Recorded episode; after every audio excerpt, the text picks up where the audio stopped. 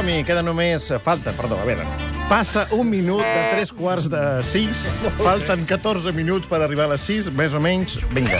Uh, hem, Avui tenim un dia tontet. Sí, sí. S'ha de dir sí. que el dia en Però bé, general és tontet. Escolta, aquí hem vingut a passar-nos-ho bé i és el que estem fent. Uh, avui, a més a més, hem d'acabar el viatge de la Mar com a penyora Oh. amb la tesi final d'en Roger Saró. Amb ell hem investigat eh, la història de la pirateria caribenya, hem sentit historiadors, vexilòlegs, metges, meteoròlegs, lletraferits, hem llegit còmics i llibres de pirates, hem vist pel·lis clàssiques d'aquest gènere, hem jugat a jocs de taula i videojocs. Per tant, Roger, a quina conclusió has arribat? Ei, bona tarda. He arribat a dues. La primera és que tant de bo les vacances duressin sempre i les sí. pogués dedicar a fustigar les forces imperials del món en què vivim, com feien els pirates. La segona conclusió és que la millor vida és la de l'evasor fiscal. El pirata actual segueix amagant els seus tresors al Carib.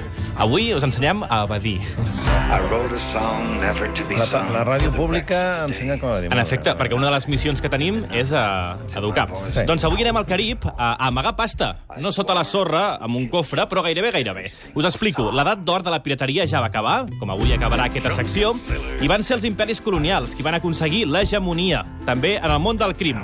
Doncs per saber com evadir capital a paradisos caribenys, paradisos financers, he parlat amb el periodista Pere Rossinyol, que és una ploma habitual de la revista Alternatives Econòmiques, també col·laborador d'aquí de Catalunya Ràdio i també de la revista Mongòlia. I m'ha explicat que per determinar què és, per aprendre què és un paradís fiscal, només cal que un país tingui dos requisits. Un, que sigui opac, és a dir, que no se sap qui, qui és el titular dels comptes.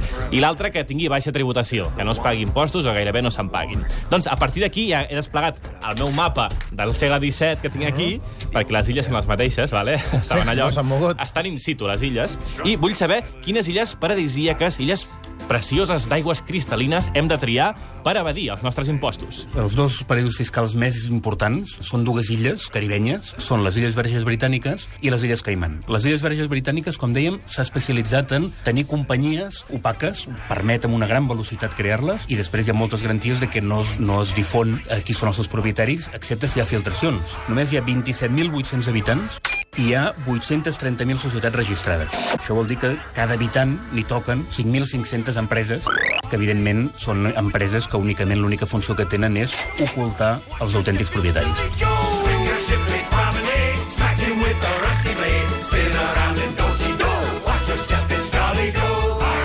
L'altra illa destacada són les Illes Caiman, que és un país que té només, també amb les mateixes condicions que l'altre, eh, és eh, tècnicament territori d'ultramar vinculat a la corona britànica, que té només 69.000 habitants i en canvi té més de 200 bancs 200 oficines bancàries i és el sisè centre bancari del món.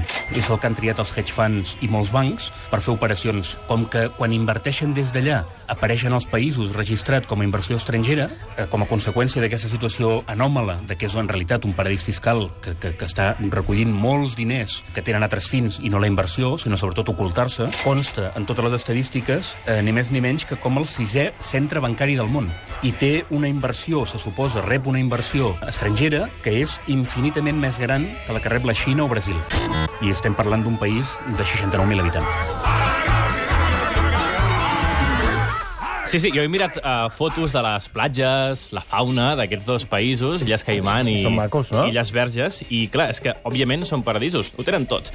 Ara mateix, però, podeu triar aquestes dues illes, però l'oient audaç de Catalunya Ràdio deu estar pensant i Panamà no serà millor perquè m'amaguin els meus ingressos de les meves activitats il·legals o, o, o la pasta que trec de fotem mal a l'erari públic. Hi ha gent que ho fa, eh, de lo públic, que no es pot agafar, ho agafen i no sé si ho Sí, sabíeu. es veu que sí, això que sí. passa. S'ho enduen, clar, però ho ho has d'amagar, perquè és que si no es notaria molt. Ah.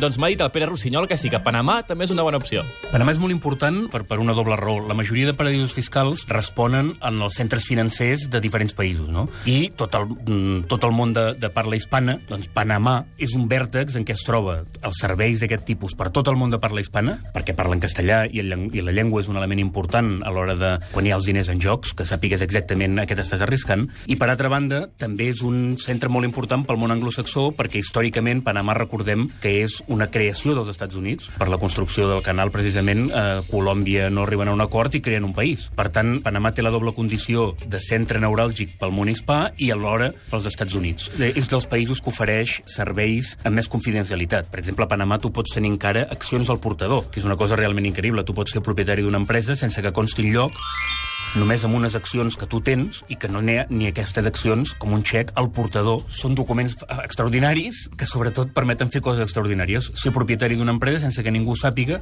paradoxalment, Espanya no el considera un paradís fiscal. Per raons polítiques. Panamà era un paradís fiscal fins que van fer l'ampliació del canal de Panamà, li van donar l'obra a una empresa espanyola, era una, una inversió multimilionària i Espanya va treure Panamà del, de la llista de paradisos fiscals, malgrat que reuneixi aquestes condicions tan espectaculars i que hem vist ara amb tot el problema dels Papers, que és un dels centres principals per on es mou aquest diner. Què us sembla? La pirateria moderna. Pirateria d'estat, fins i tot, li, li posaria jo. Us animeu o què, a dir, a amagar una mica? Bueno, ara, ara farem uns números. No, Jo- no, jo no, hi pensava- no sé si tinc res per evadir, És però que a mi, jo, jo tampoc, però és que em fa il·lusió, i li he dit al Pere, mira, tinc 1.000 euros, que és que són meus. No són ni fruit d'activitats il·legals, ni, ni d'explotar treballadors legalment, que és pitjor, no, no, són 1.000 euros que m'he guanyat jo diner blanc, estalviats, puc evadir-los i ens ha explicat com fer-ho pas a pas. Obrir un compte en un paradís fiscal és el més fàcil que hi ha. Hi ha una pila d'entitats especialitzades i, si no, els bancs, els teus bancs de confiança, pràcticament tots tenen seus a paradisos fiscals. Uh, hi ha hagut un informe recent d'Oxfam que explica que totes les empreses de l'IBEX tenen oficines en els paradisos fiscals. Per tant, si tu fossis un bon client d'un banc, segurament ells t'ensenyarien com fer-ho sempre legalment. I si no del teu banc de confiança, hi ha una pila d'entitats a Holanda i també a Espanya tot arreu que amb un cop de clic, en un moment, t'han obert un compte en un paradís fiscal. No, hi- segurament no hi ha res més fàcil. Una altra cosa, evidentment, és si tindria sentit. Si tu tens 1.000 euros, per aquests serveis et cobrarien uns diners, que, que a més a més serien recurrents, per tant, en poc temps aquests 1.000 euros es quedarien en zero. Vaja.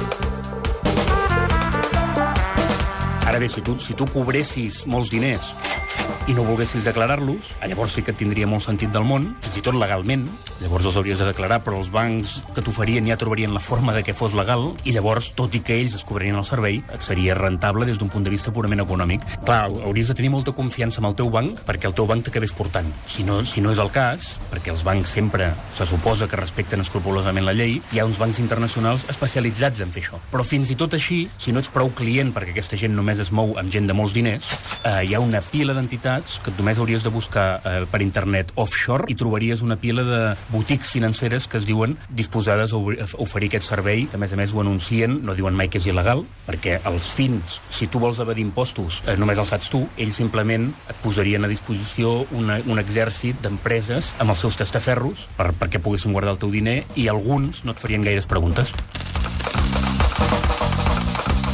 Ja ho teniu gairebé tot, però heu sentit, com ens deia en Pere, que és important la llengua a l'hora de l'idioma, a l'hora de Ja. saber què passa amb els teus diners.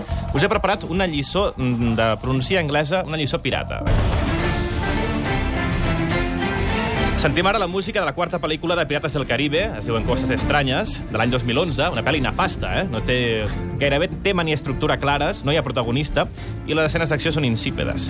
Però inclou una cosa que m'agrada molt, que és la Penélope Cruz parlant en anglès, una cosa que em fa molta gràcia, i per demostrar que vosaltres també pronuncieu tan bé com ella, us he fet aquí un, un petit manual, tenim unes frases que sí. heu d'aprendre a pronunciar.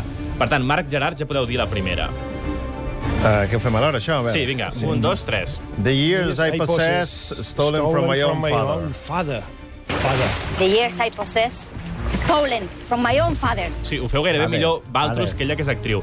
Anem a la segona amb més tensió, més Enfadats. passió, passió. Mm. To kill myself before I starve. To kill myself before I starve. Ho fas igual? Eh, Val, ara va, Gerard, Soc com l'última. la P. And how will I get free of these bonds? And how will I get free of this bond?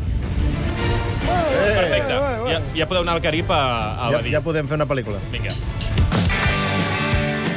Últim moment d'aquesta secció. Sí. Sí. Us he descobert el lloc que heu de visitar si aneu al Carib. És la illa de Sant Andrés, una illa que forma part de Colòmbia i és tan gran que ocupa, és com un terç de Formentera. És petitíssima. Uh, I està allí al mig del no-res, al mig del Carib, a prop de no-res. He buscat si hi ha algú d'allà que visqui a Catalunya i sí. He trobat un amic que es diu Sergio Mutis, colombià, va créixer en aquesta illa que, com us dic, és petitíssima i té un llegat pirata molt important. Ara viu a Catalunya i li he preguntat com va arribar allà. És un viatge que has d'anar de Barcelona a Bogotà i de Bogotà agafar un avió, són unes 9-10 hores i arribes a una illa petitíssima, amb un petitíssim aeroport que es diu Gustavo Rojo Espinilla i el Sergio Mutis ens explica com arribar-hi. Está encaixonada a, a lo que es la part nord de la illa, que és on està la majoria de la població. Pots estar a la platja i que et passi un avió a sobre, tranquil·lament.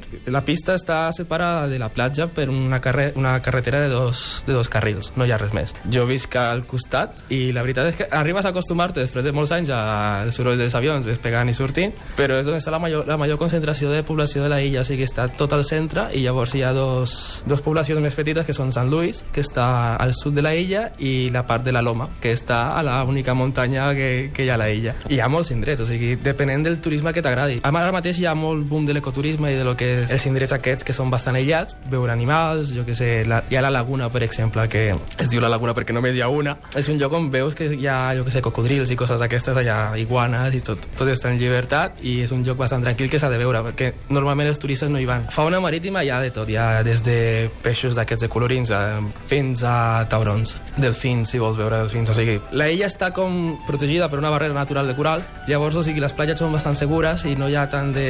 no hi ha ones molt grans i els taurons normalment estan a fora d'aquesta barrera i si vols veure el que és la, la fauna marina, el que són tortugues o coses d'aquestes, hauries de sortir.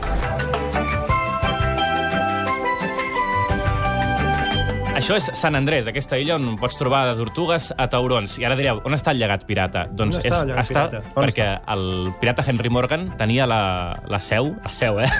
en aquesta illa al segle XVIII. Sí que és cert que està bastant arrelat, o sigui, és part de la cultura. I sobretot Henry Morgan és el pirata més important i, i Sir Francis Drake també va ser un corsari que va passar per allà. El llegat està dins dels els noms de carrers, els noms de llocs. Per exemple, o sigui, està eh, atractius turístics està el Cap de Morgan, que és una, un tros de roca que, és com un, que està a la costa de, de, de Santa Catalina i que sí que té la forma d'un cap. Es deia que quan va estar Henry Morgan, eh, que va tenir la base a, a Old Providence, va estar, o sigui, va amagar tesors allà perquè des d'aquí era la base d'operacions que sortia per, a, per robar, jo que sé, a Panamà o a Cartagena o a Santa Marta, a Colòmbia. Hi ha la cova de Morgan, per exemple, també, que és una altra cova que és natural, que es diu que hi ha un tesor perquè està connectada fin, eh, amb el mar. Però hi ha moltes llegendes d'aquestes que no s'han arribat a provar, però que sí que la cultura pirata és part de la cultura de la illa també del caràcter de la gent. Gent que són molt arriscats, o sigui, molt daredevils i que fins i tot al dia d'avui s'ha transformat en el que la pirateria actual al Carib, que és el tràfic de drogues i que són gent que porta fins als Estats Units. Però que sí que està arrelat dins